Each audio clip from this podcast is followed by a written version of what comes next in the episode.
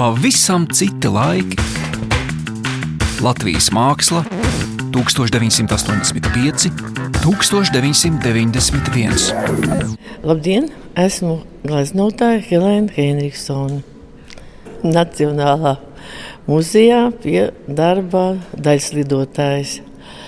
Tas ir vienīgais darbs, kurš ir veidots apzināti, politiski un kā politisks protests, un viņš radās ļoti spontāni. Man šķiet, ka es uzgleznoju dažos paņēmienos, piegājienos, bet droši vien, ka krājās naids un neapmierinātība gadiem. Jo šīs daļslidotājs iemieso padomu laika televīzijas popkultūru. Tie bija vieni no nedaudziem raidījumiem, ko mēs varējām skatīties kaut vai līdz 12. naktī.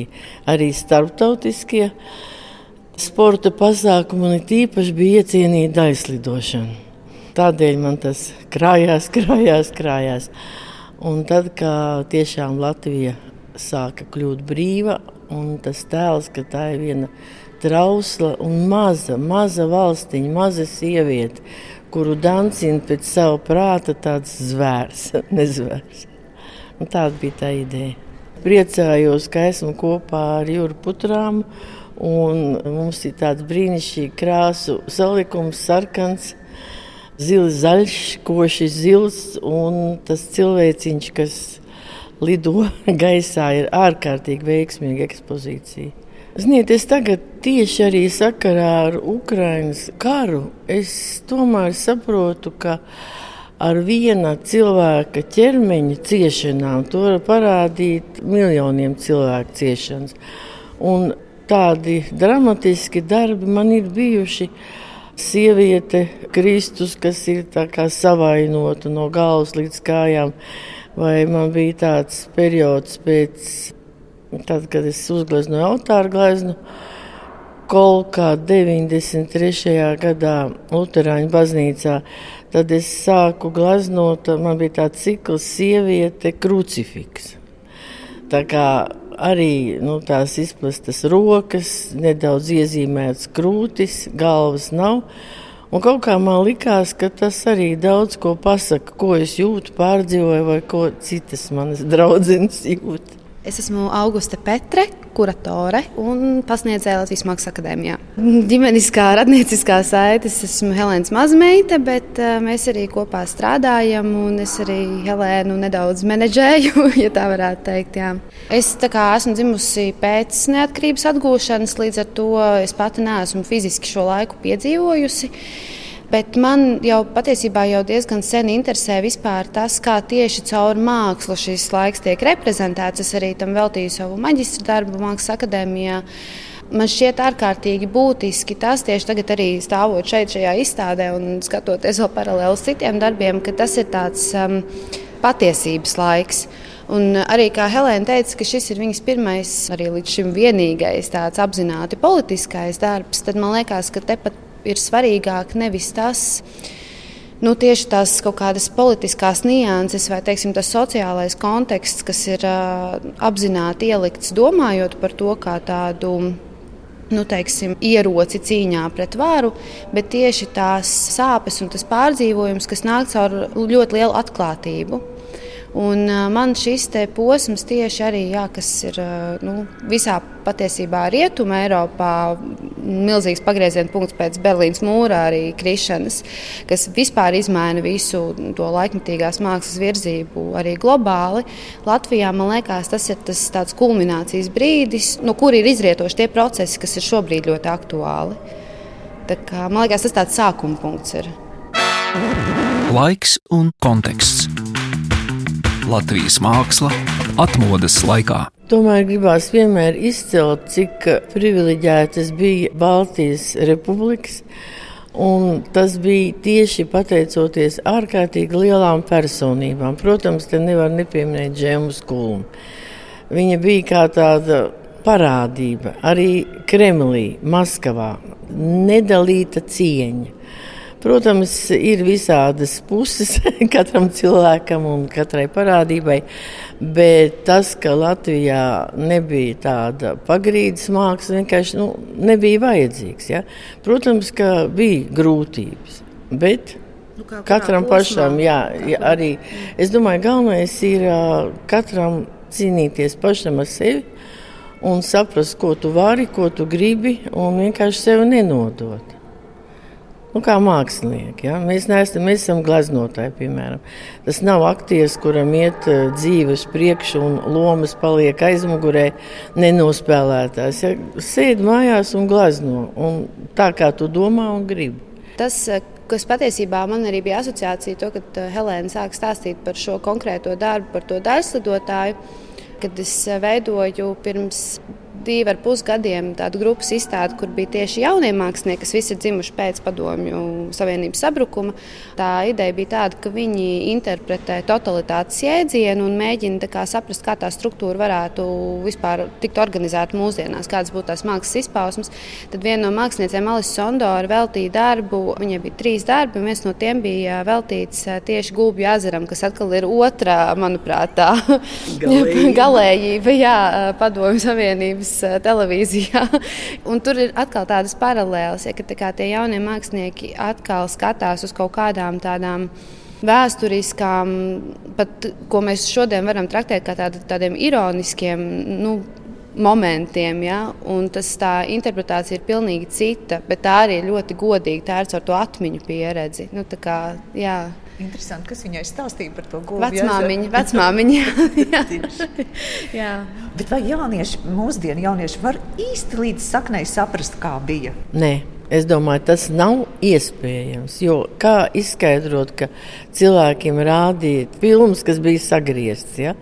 Un kā es vienmēr saku par to, ka tas lielākais ļaunums bija komunālā sadzīve, ja pat ģimene dzīvo viens otram uz galvas.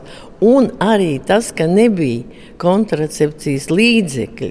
Tas vispār ir nesaprotams nevienam. Pat man tagad nav saprotams. Es mazliet gribu oponēt, jo man šķiet, ka tomēr tie, kas ir nu, vismaz 90. gadu pirmajā pusē piedzimuši, jo 90. gadi jau arī ir tāds baigais pārejas posms, kad it kā, kā ienāk jau tas kapitālisms un tie kā rietumi kaut kādas noskaņas, bet tomēr man liekas, ka tās atmiņas īpaši, nu, mēs arī dzīvojām visi vienā dzīvoklī un ne tikai Helēna un Ivars, bet Helēnas vecāki un visu laiku tā, kā, tā paudžu miedarbība ļoti spēcīga tajos 90. gados īpaši, kad kā, tu esi tajā pārejas posmā. Tie jaunieši, kas ir dzimuši tagad 21.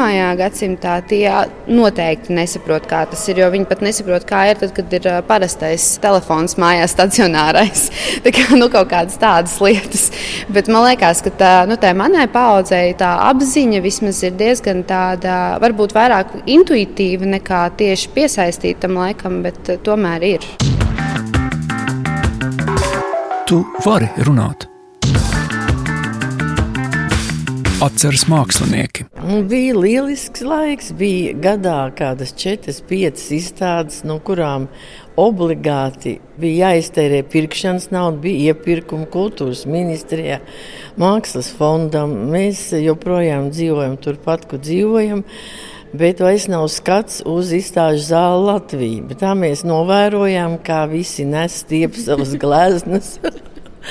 Un tikai viena reize bija tāds tracis, ka mākslinieks Oļegs Tilbergs bija iepirinājies Latvijā ar tādām mucām, kur kaut kāda skāba kāpos vai kaut kas tam līdzīgs.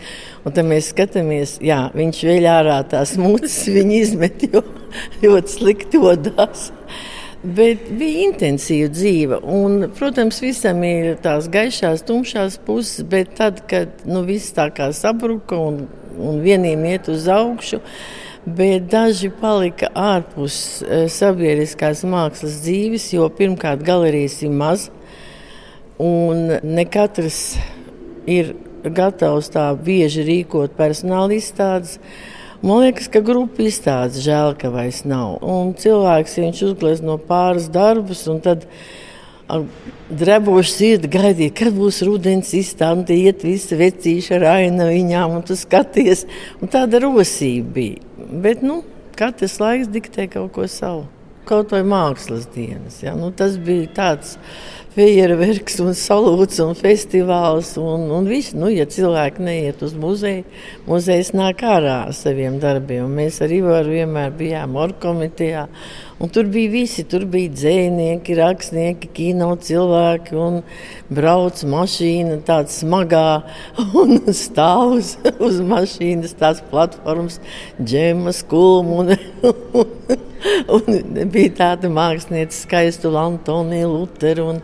Tad Viktors Savotiņš lasa dzēju. Nu, bija tāds, tā viss bija pārņemts. Un pēc tam tas To nevar mākslīgi atkal atjaunot. Tas vairs nav vajadzīgs.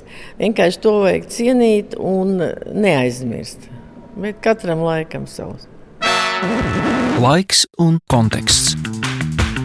Latvijas māksla atmodas laikā.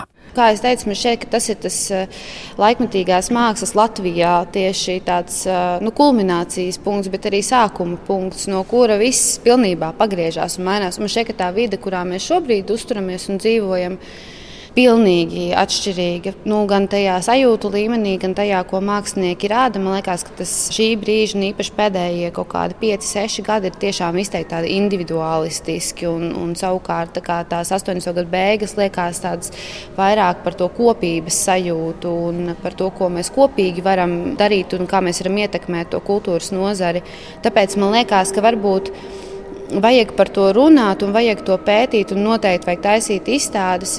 Arī tā iemesla dēļ, ka ļoti daudz no šiem darbiem nav vispār bijuši apskatāmi ilgi. Un, un tie vienkārši ir uzvārdi pazudis. Arī uz, jā, jā, vienkārši tā. uzvārdi. It kā tas cilvēks nav bijis, bet viņam bija sava jā. loma, un bija sava dzīve un sava māksla. Man liekas, tas ir ārkārtīgi svarīgi, ka nu, tas ir visu laiku jāakcentē. Protams, ka Nav jau tā telpa, tas tā ir tā sāpīgā tēma. Protams, ja būtu arī laikmatīgās mākslas muzejs, tas būtu Tam vienkārši tā vajadzētu būt. Bet tā nav. Bet es domāju, ka viens ir šīs izstādes un šī pētniecība. Otrs aspekts ir tas, ka par to nevajag runāt tikai tā, nu, teiksim, didaktiski vai stāstīt un skaidrot, tajā gadā notika tas, bet vienkārši mums ļoti, manuprāt, šobrīd tajā mm, vizuālās mākslas vidē pietrūkst kontekstuāla izpratne nu, vispār konteksts, kaut vai Baltijas mērogā konteksts par to, kā procesi ir attīstījušies un, un kā vispār. Nu, kā mākslinieku kaut kāda sadarbība, ko tas vispār nozīmē, ko tas var ietekmēt. Un no tāda skatu punkta man liekas, būtu ļoti svarīgi par to runāt. Pavisam citi laiki. Latvijas māksla 1985, 1991.